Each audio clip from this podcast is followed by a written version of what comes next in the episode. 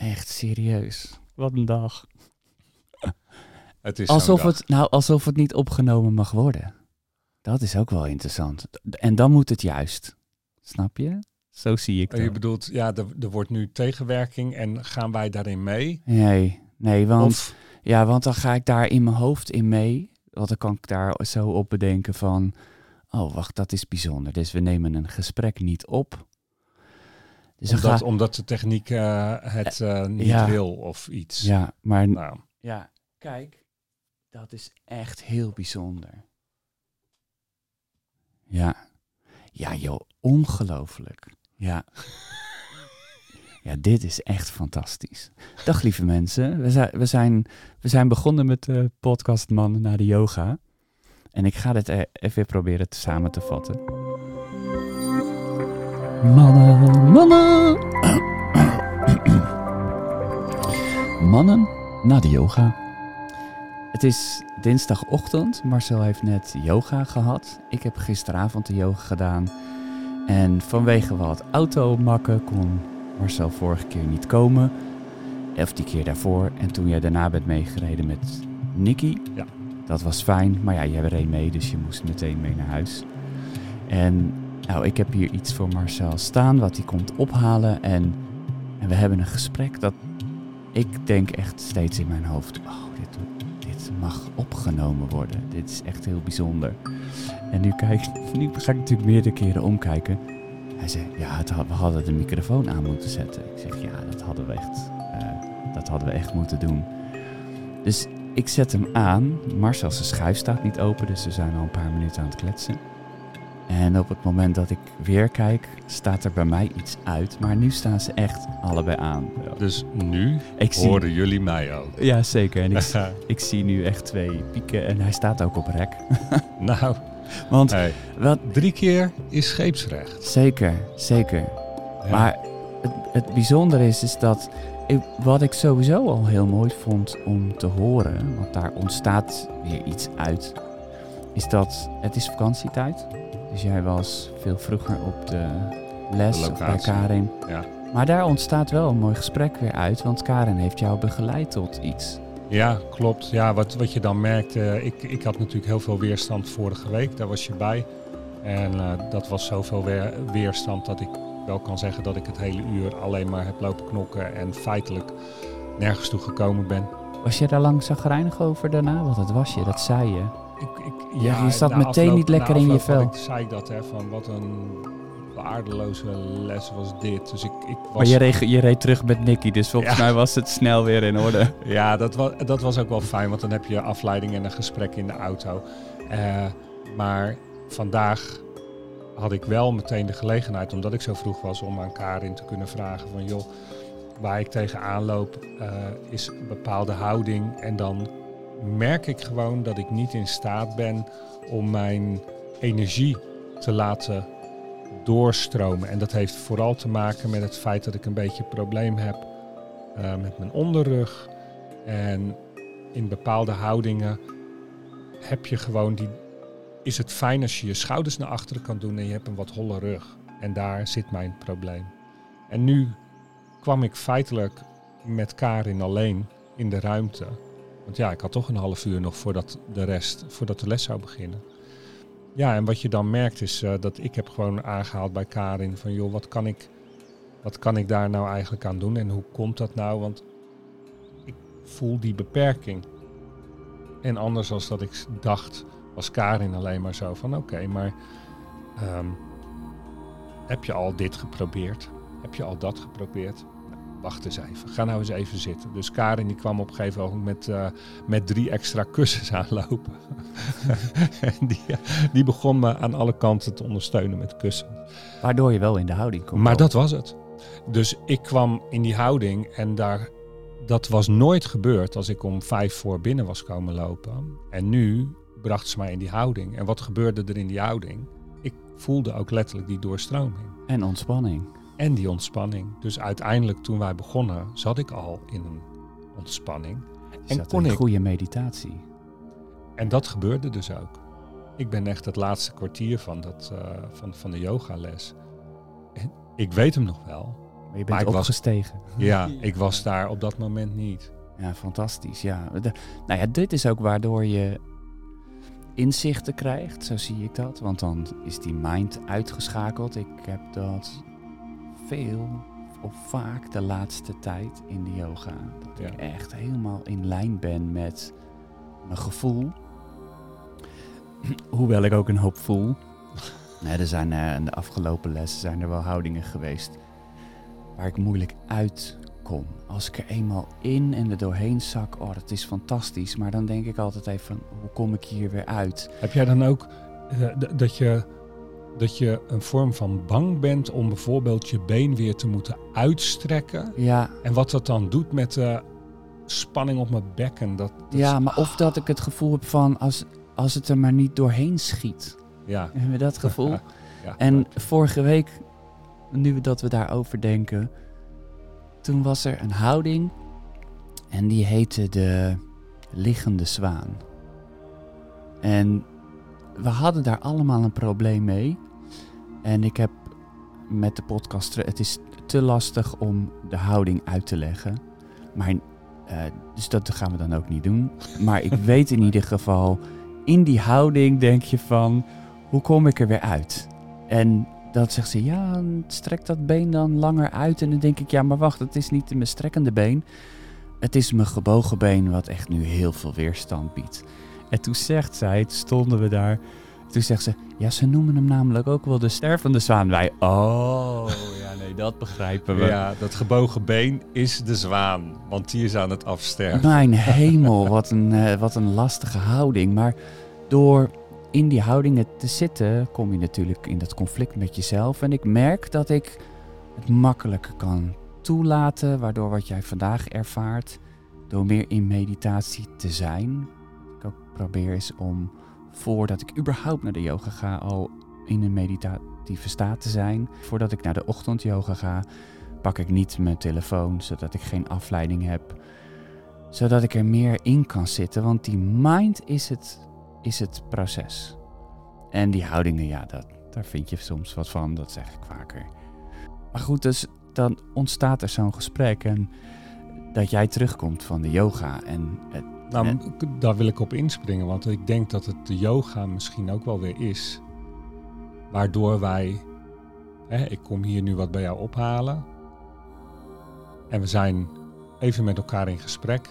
En er komt een onderwerp naar boven. En dat kan naar boven komen omdat ik de yoga heb gehad. zeker. En dat, dat de rust, waardoor dat de, de, de mind is een beetje at ease. Dus dan gaat er gesprekken plaatsvinden vanuit gevoel. En zo kwamen we op het, op het onderwerp waar we het over hadden. en Waar Ja, we terwijl, want we hadden geen onderwerp. Dus ik, dus ik zeg van ja, we eventjes ki- kijken hoe we... Nou, kunnen we het doen? Kunnen we Nou ja, ze, we, we moeten even zien wanneer gaan we dan een podcast opnemen, want dat is ook zo mooi.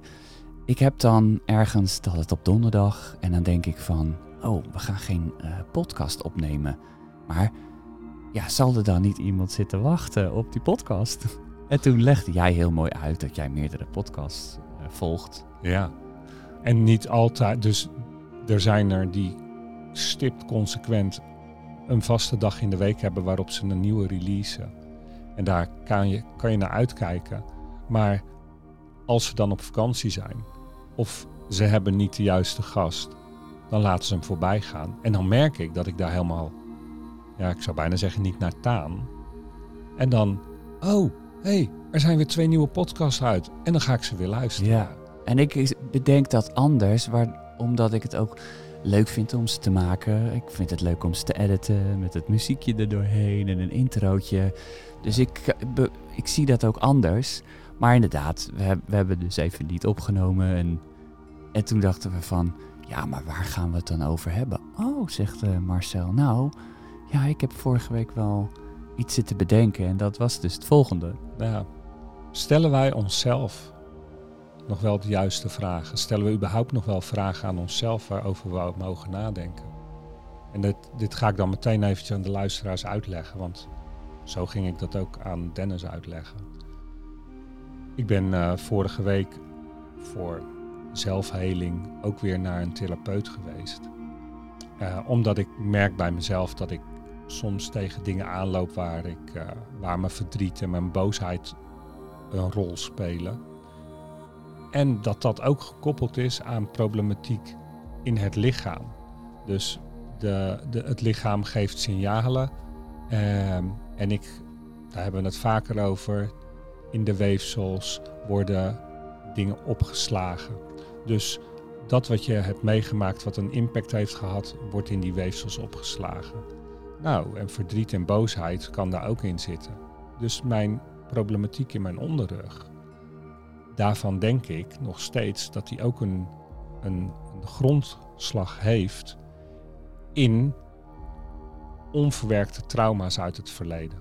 En daarom ben ik bij die persoon teruggekomen. En hoe stel je jezelf de juiste vragen om daar te komen? Nou ja, dat is een hele goede vraag. Hoe? Maar ik denk dat het dus wel zit in jezelf vragen te stellen. En als je niet weet wat de goede vraag is. Misschien wist ik het ook wel niet, alleen deze meneer stelde mij een vraag, waardoor ik daar weer over na ging denken. Welke vraag stelde hij? Heb jij geheimen die je met je meedraagt? Van recent of in het verleden of uit een vorig verleden? Waardoor je nog steeds bepaalde dingen vasthoudt. Zonder dat je ervan bewust bent. Ja. En toen had ik wel zoiets van, ja, ik ben zo'n open boek geworden de laatste jaren. Ik, nee, ik heb geen geheimen meer. Toen zei hij ook, maar ja, kijk, je kunt een geheim zien als, ik heb, uh, ik heb ooit uh, vijf, uh, vijf gulden bij mijn moeder uit de portemonnee gepikt. En dat heb ik haar nooit verteld. Dat, is, hè, dat kan een geheim zijn voor je. En dat zou best wel een belastend geheim voor je kunnen zijn. Maar toen legde hij ook uit, het kan ook iets heel anders zijn. Het kan natuurlijk ook iets zijn waarbij jouw ouders of een van jouw ouders, jouw vader of jouw moeder, jou iets verteld heeft. Wat eigenlijk niet bedoeld was voor jouw oren. Vanwege je leeftijd, vanwege de plaats wie je inneemt. Hè, want je bent de zoon. Waarmee je iets niet mocht vertellen aan papa. En als kind zijnde doe je dat dan ook niet. Dus je krijgt een enorme last op je schouder gelegd met het verzoek om, uh, uh, je krijgt iets te horen, maar het mag niet aan papa verteld worden. Of je krijgt iets te horen en het mag niet aan mama verteld worden. Dan draag je dus ook een geheim bij je. En ga eerst eens voor jezelf kijken, was voor hem ook, welke geheimen zou je kunnen bedenken? En als je dat dan weet, toen kwamen wij natuurlijk op het feit van ja, um, stel dat jouw vader of jouw moeder iets heeft verteld over jouw vader of moeder. Dus laten we aannemen, mijn moeder heeft mij dingen verteld die helemaal niet voor mij bedoeld waren. Want dat is waar het op neerkomt. En daar zit misschien nog wel een stuk boosheid. Ja. En dat mag je niet tegen papa vertellen. En dat mag niet tegen papa vertellen. Of niet worden. tegen mama. Of het hoeft niet eens zo gezegd te zijn van je mag het niet tegen papa vertellen. Maar je voelt al het dat al. het niet verstandig is om dat tegen papa te vertellen. Nou, ik vind het wel herkenbare stukken hoor, met wat ik ook vroeger heb gezien. Ja. En wat, er, wat gebeurt er dan met je? Want dan ben je dus want daar ging het verhaal bij ons verder over. En daar weten wij gelukkig al wat meer over. Want jouw vraag aan mij was toen van systemisch. Hè, ja, uh, familieopstelling. Familieopstelling, ben je familie. daar bekend mee? Ja. Nou, daar ben ik bekend mee. Uh, systemie, uh, een familieopstelling. Of um, ik heb het boek De Fontein gelezen. Ik weet eventjes op dit moment de schrijfster niet meer. Maar het is een interessant boek. Omdat wanneer je daarin gaat lezen je heel veel herkenning hebt. En zij laat op een makkelijke manier zien hoe je een beetje daar zelf mee kan spelen. Maar feitelijk komt het hierop neer dat hiërarchie heel belangrijk is. Dus papa heeft papa-energie, mama heeft mama-energie. Daar komen kindjes uit en een zoon of dochter, nog meer zoons of dochters. Daar kan een, een miskraam tussen zitten. Maar iedereen heeft zijn plek in dat gezin. Dus boven papa staat opa en oma. En boven mama staat ook opa en oma. En zo kun je een piramide tekenen van hoe de hiërarchie zou moeten zijn. Maar stel, in mijn situatie, mijn vader was uh, toen ik jong was veel aan het werk in het buitenland. Dus die was twee maanden er niet, die was een half jaar niet. Dus mijn moeder had haar klankbord niet binnen haar relatie. En ik was haar oudste opgroeiende zoon. Dus werd ik haar klankbord.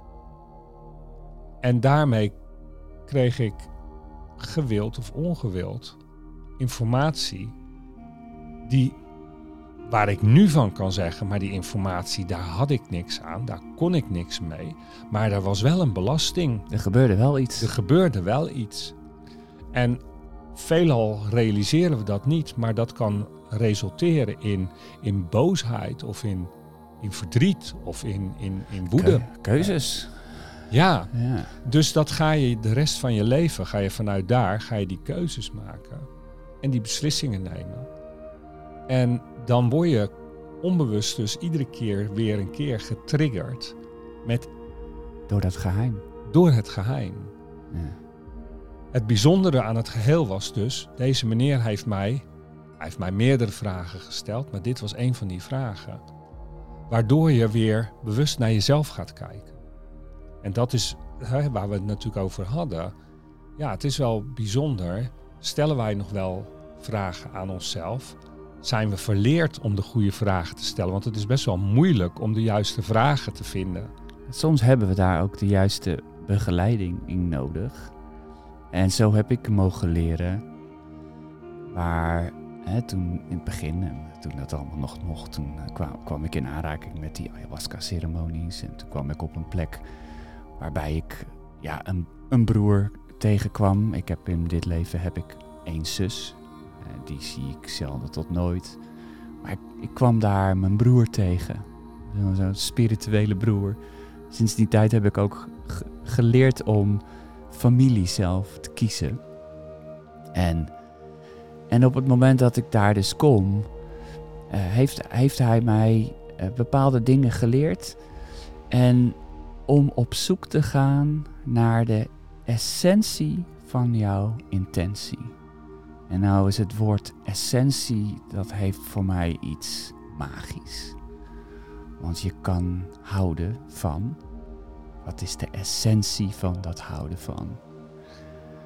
En het op zoek gaan naar zo'n simpel voorbeeld als.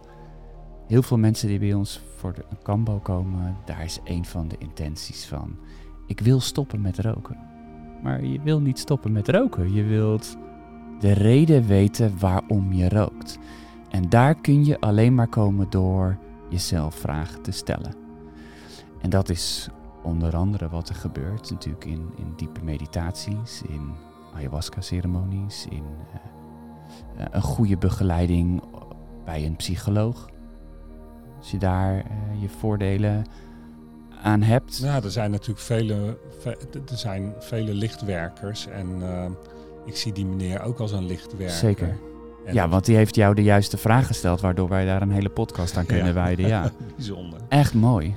En goed, echt fantastisch dat deze man bestaat. Dat deze man op aarde is gezet om, om hier iets groters neer te zetten. Waardoor we denken van wauw, dat moet.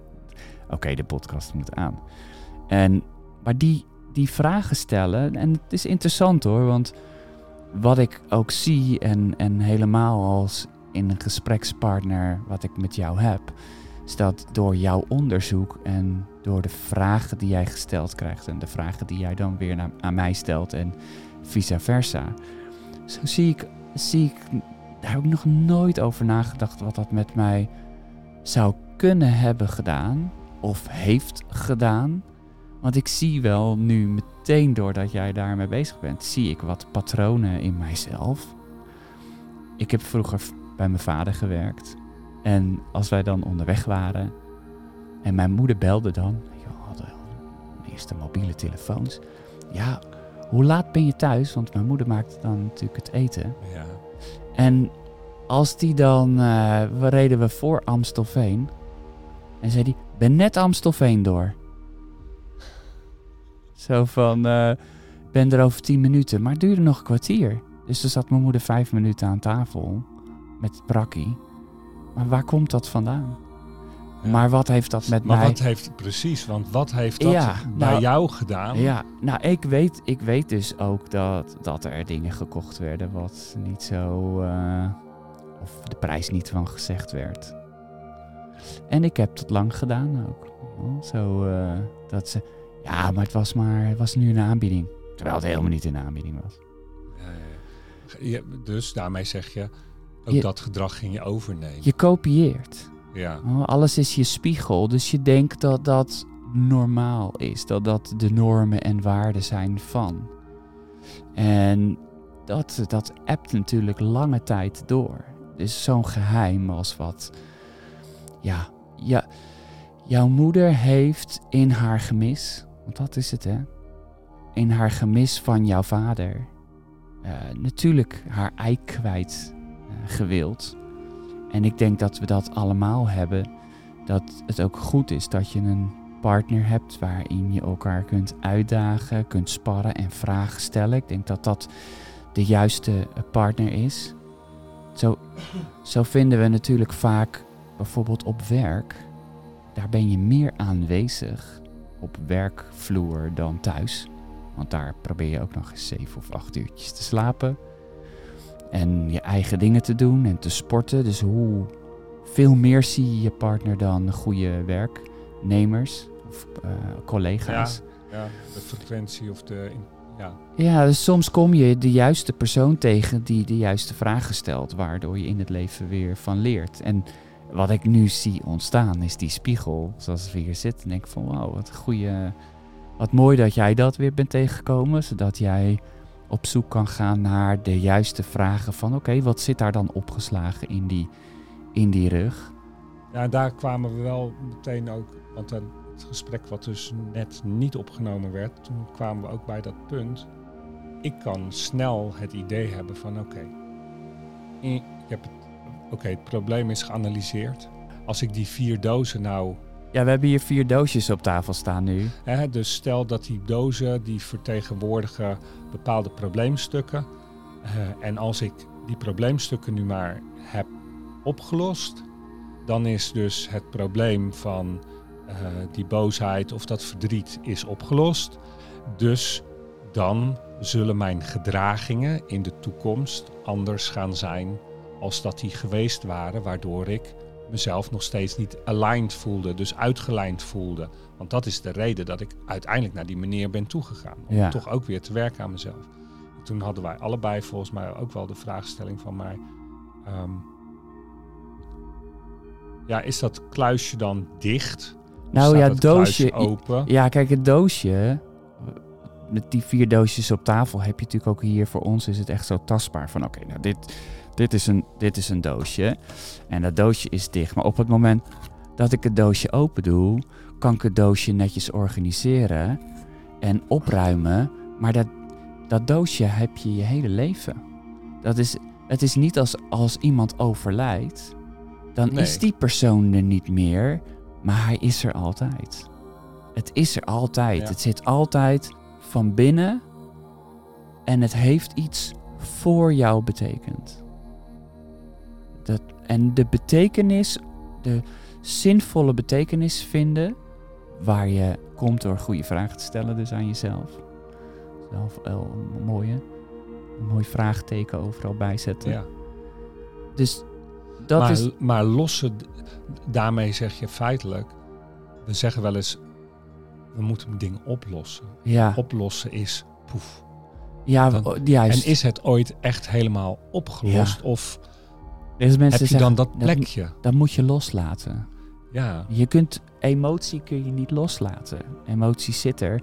En dat is wat ik vaak mensen vertel tijdens ceremonies. Is dat als jij een trauma meemaakt of hele kleine dingetjes als een, misschien een heel lullig geheimpje wat je voor jezelf heel groot maakt. Of een heel groot geheim wat heel lang met je meesleept. Op het moment dat jij een trauma hebt, een ervaring, en je wil daar niet bij en je stopt dat in een kluis en je ik zie zo'n grote knop draaien. Op slot en het liefst met zo'n ketting eromheen, wat je dan ook nog wel ziet.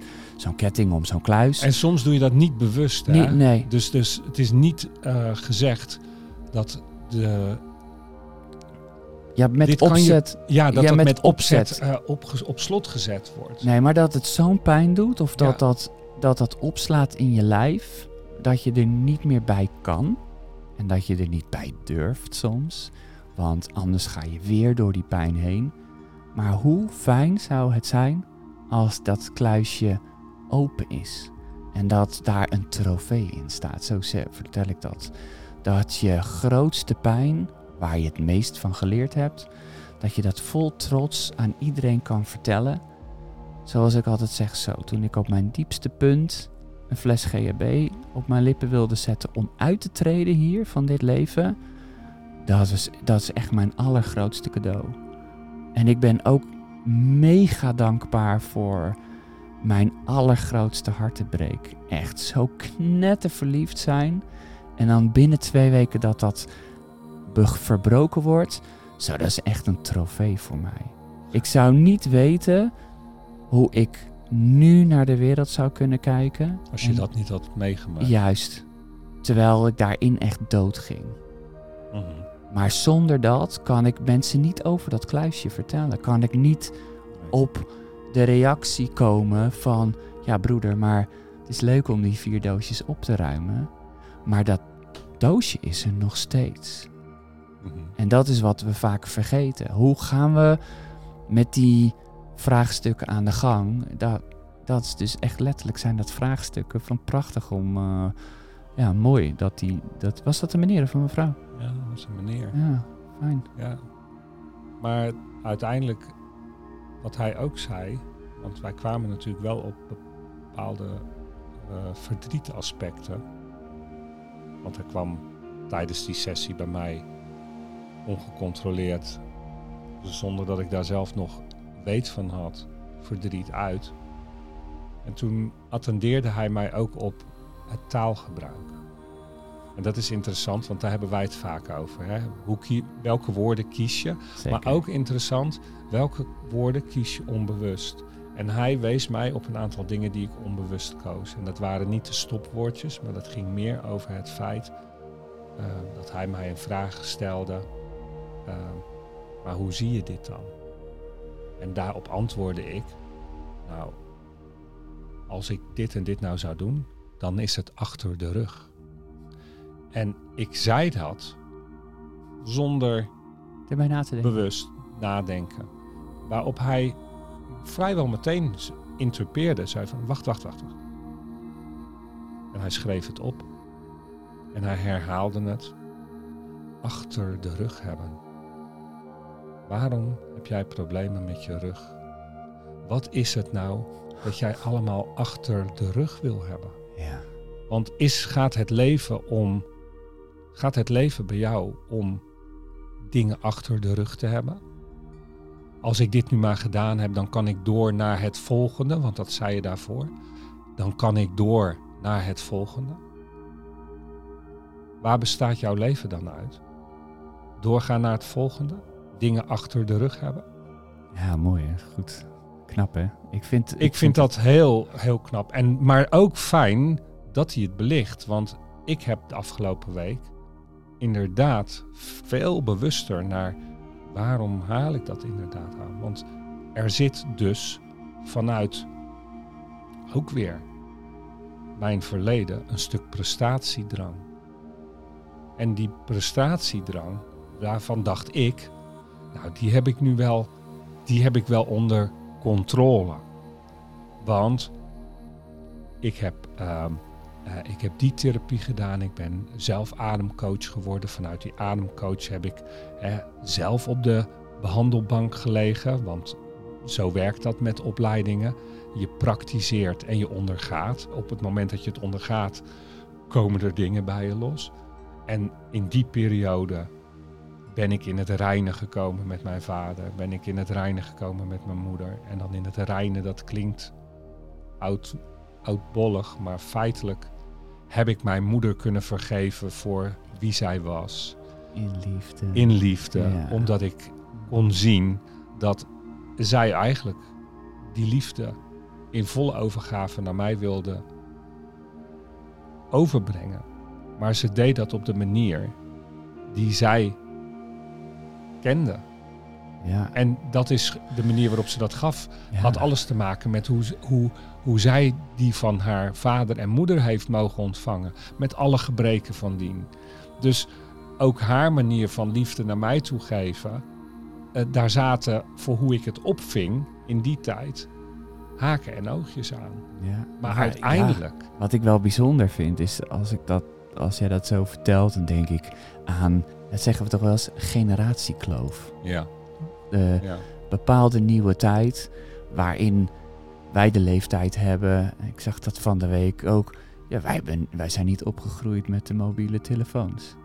En wij zijn niet. eh, we, hebben, we hebben nog dat echte spelen op straat meegemaakt en voetballen. Want ja, eh, je ging op straat op en nu is het op de iPad. Dat heb het ge- het gevoel nu dat we daarover hebben, dat zich dat weer even gaat herhalen. Snap je dat over de, de kinderen van nu, of die daar uitkomen, ook weer zeggen van ja, maar ja, toen zaten ze altijd eh, op de iPad. Toen hadden ze ook geen connectie met elkaar. En de generatie voor ons, ja, dat was misschien eh, de, de onwetendheid. Maar de onwetendheid van wat? Ja, maar dat is nog die generatie vanuit de oorlog en er was helemaal niets en toen ineens was er alles. Het herhaal, het, het, het blijft zich herhalen zolang we zelf niet die goede vraag aan onszelf stellen om het in onszelf op te lossen. ja, nou ja, de vorige generatie kwam inderdaad uit de oorlog. Of De ouders, de ouders dus net geboren vanuit de oorlog. Dat was in ieder geval bij mijn vader en moeder zo. bij mij ook. En die kregen die ook wel de tijd voor die bewustwording. Ik, ik, ik moet wel zeggen dat ik kijk steeds meer terug op dingen die mijn vader eh, tegen mij zei, wie ik in die tijd echt, nou, ik begreep ze niet, laat ik het zo maar stellen. En dat ik nu terugdenk van, oh wauw, dat is ook een onderdeel van bewustwording wat hij mij heeft proberen mee te geven. Hij heeft iets geconstateerd in de wereld, in de maatschappij, wat compleet niet struikte met zijn gedachtegoed, waar ik tegenwoordig in deze maatschappij ook vaak tegenaan loop. Dat ik denk van nou, Ja, dat, dat, dat dit gebeurt, vind ik op zijn minst enorm bijzonder. daar moet je vragen bij stellen. ja, maar goed, zij kregen op dat vlak, dat is in ieder geval wel waarom ik dingen meer kan plaatsen en accepteren, ook minder de ruimte. Want ze kwamen in een wereld waarin moest worden opgebouwd. Ze moesten hard werken om te zorgen dat eh, alles weer werd opgebouwd en de maatschappij ging draaien. Vanuit de oorlog. En als je maar in dat narratief geduwd wordt, want dat is wat er, hè, waar wij nu kunnen, als we dat overzien, wat er ook toen gebeurd is en wat ook nu weer, wat ze hebben geprobeerd en proberen te doen, is ons maar af te houden van De spirituele ontwikkeling. de zelfontwikkeling, Ja. spirituele ontwikkeling, door zoveel mogelijk de maatschappij in te pompen, waardoor we afleiding hebben op. Ah, nee, dat meen je niet. Oh, gevaar. Oh, dit. Oh, kijk eens wat die doet. Oh, kijk eens wat. De, de- Dus ze proberen ons daarvan af te houden. En dat was bij hun ook. Alleen, ja, het was een, eh, een werkersklasse.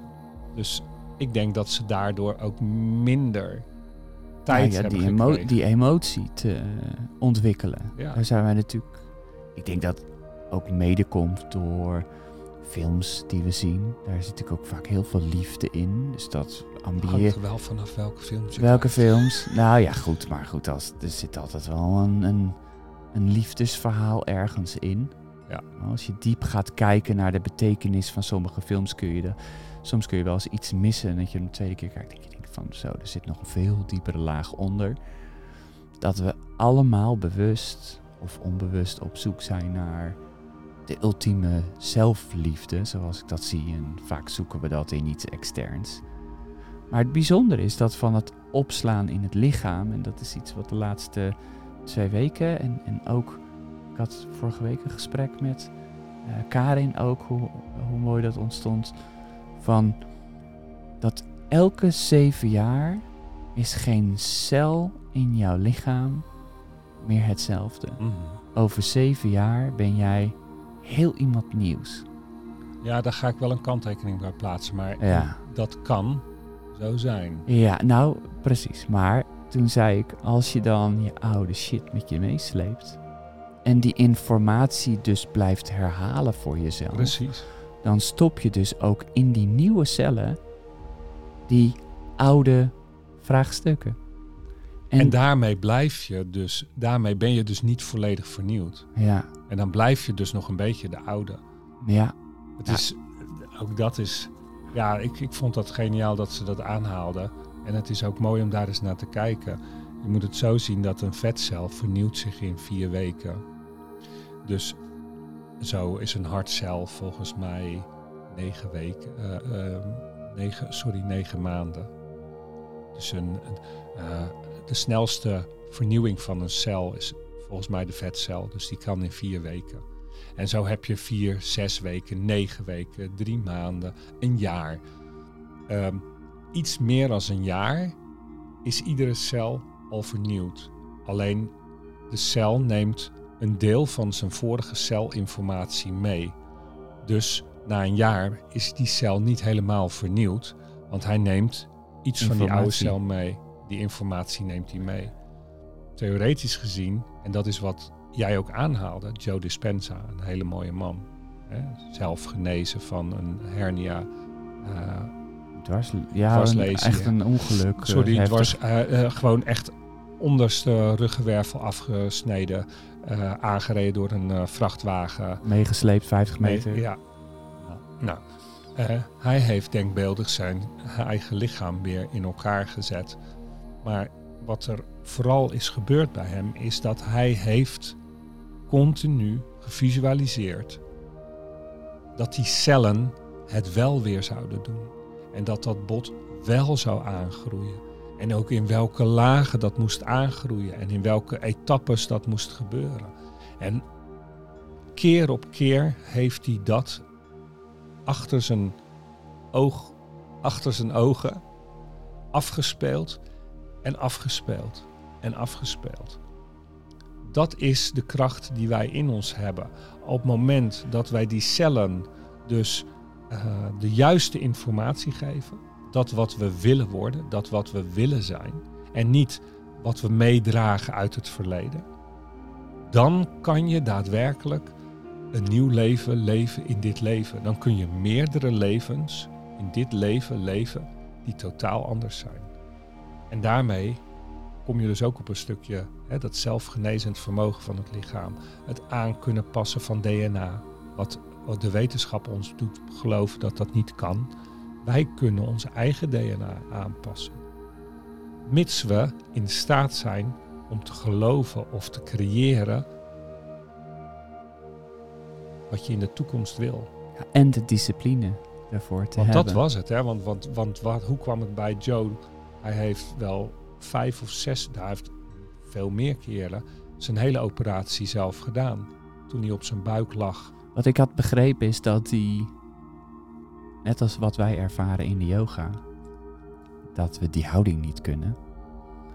Dat hij ook vanwege zijn opleiding, eh, hij was arts. eh, eh, Hij, was op jonge leeftijd is hij begonnen als hij, hij is begonnen als chiropractor en hij is daar vandaan doorgegaan. Maar vanuit de chiropractie wist hij precies hoe de opbouw zat in de wervelkolommen.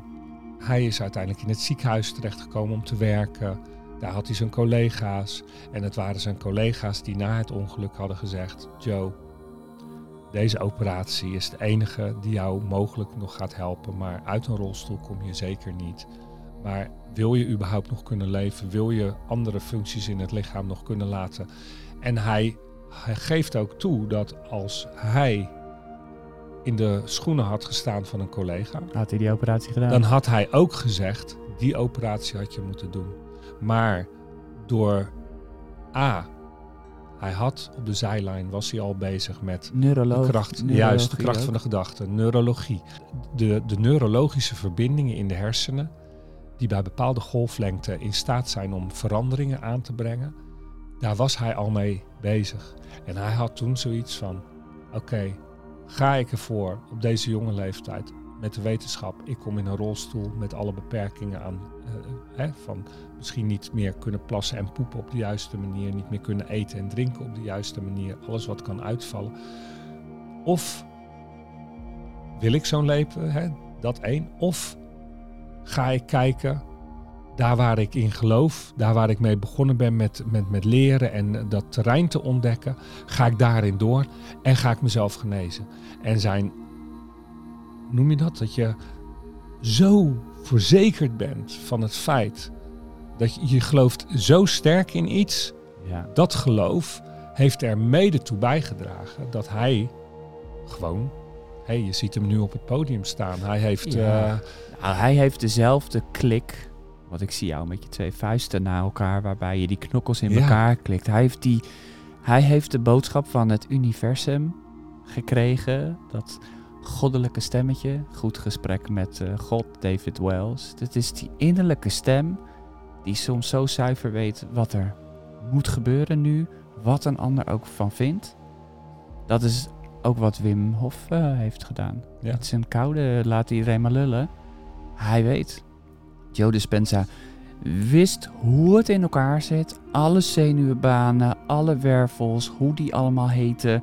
En dat is hij in een meditatie gaan doen. En de eerste dag was hij tien keer bij die eerste wervel. En dan zei hij van, nee, je gaat echt nooit meer lopen. En dan begon hij weer overnieuw.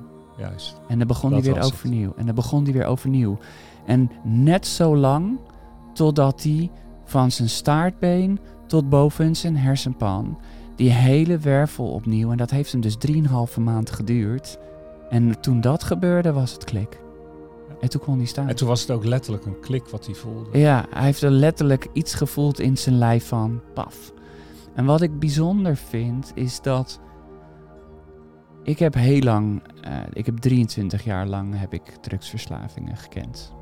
Heftige, minder heftig, hele periodes van alleen maar een beetje stappen, maar ook echt periodes achter elkaar van dagelijks cocaïne en speedgebruik.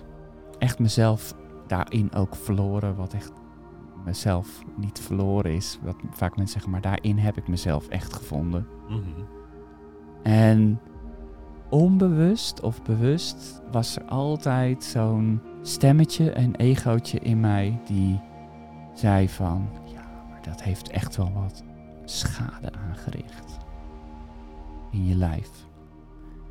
En dat is. En in een ayahuasca-reis heb ik mogen uittreden. Dat was zo bijzonder. Dat ik uit mijn lichaam kon en dat ik als spirit of dokter of zo'n weer in mijn lichaam is ge- gegaan. En toen was, toen was de omschakeling heel grappig. Want vroeger had je zo'n reclame van, eh, van die nootjes waarbij zo'n professor echt op alles zo'n stempeltje zet met oké, Mhm. oké, oké, van ze zijn allemaal oké. En zo is er in mijn lichaam, heeft er iets plaatsgevonden waarbij ik al mijn cellen een okéetje op heb mogen geven.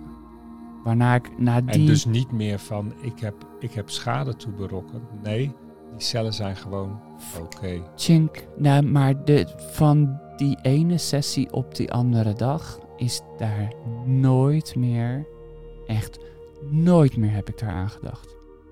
Is dat, ik ben genezen op dat vlak. Er is niets meer over van die cellen die die informatie hebben van die slechte stoffen.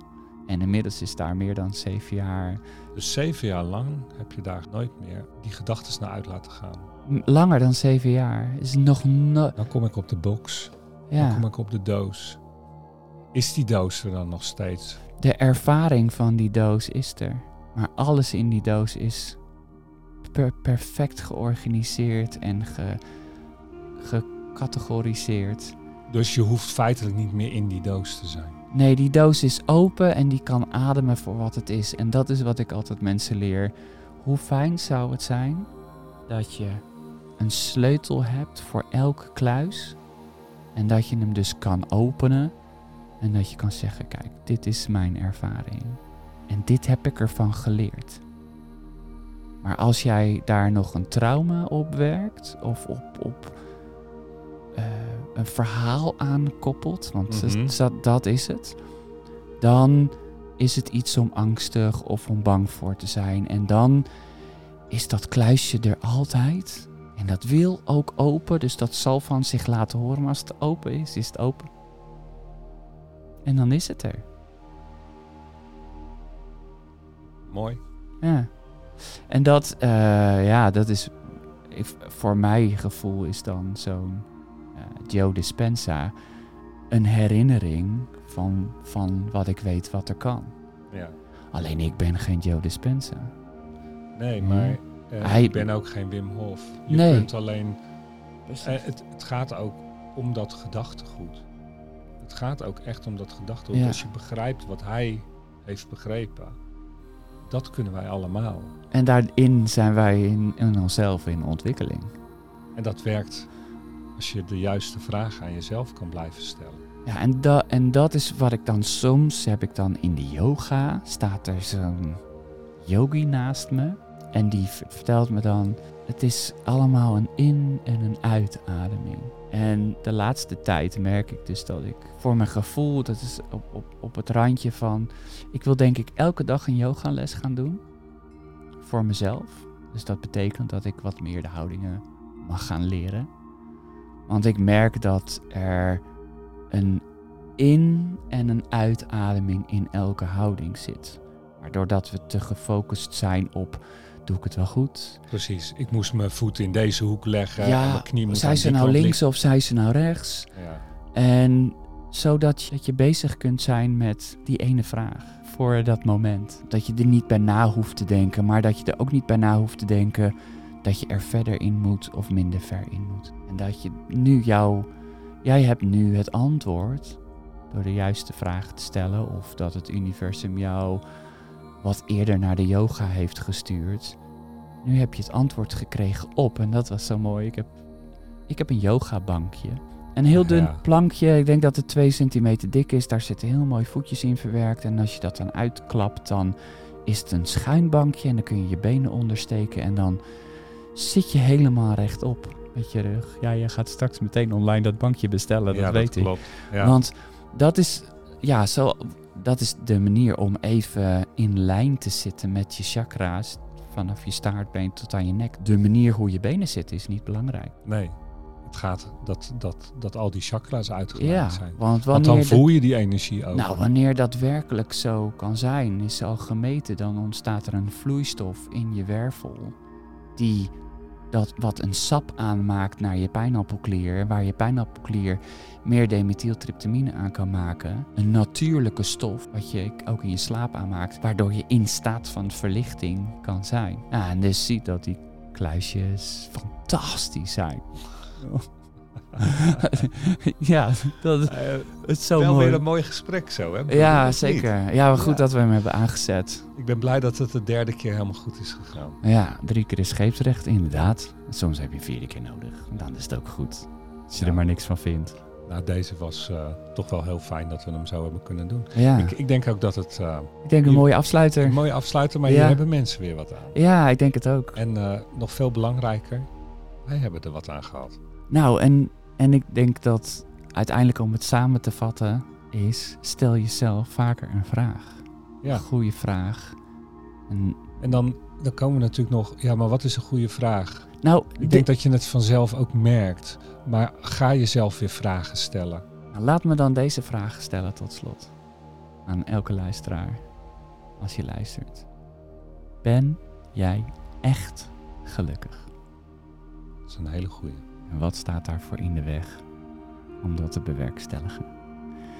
Broeder, ik wens jou een hele fijne dag. Ik heb gemerkt, zowel aan jou als aan mij, dat het ook emotie opwekt. Ja, Ehm, dus we zetten vast ergens, oké. en hoe mooi dat er dan wat weerstand van was van de techniek.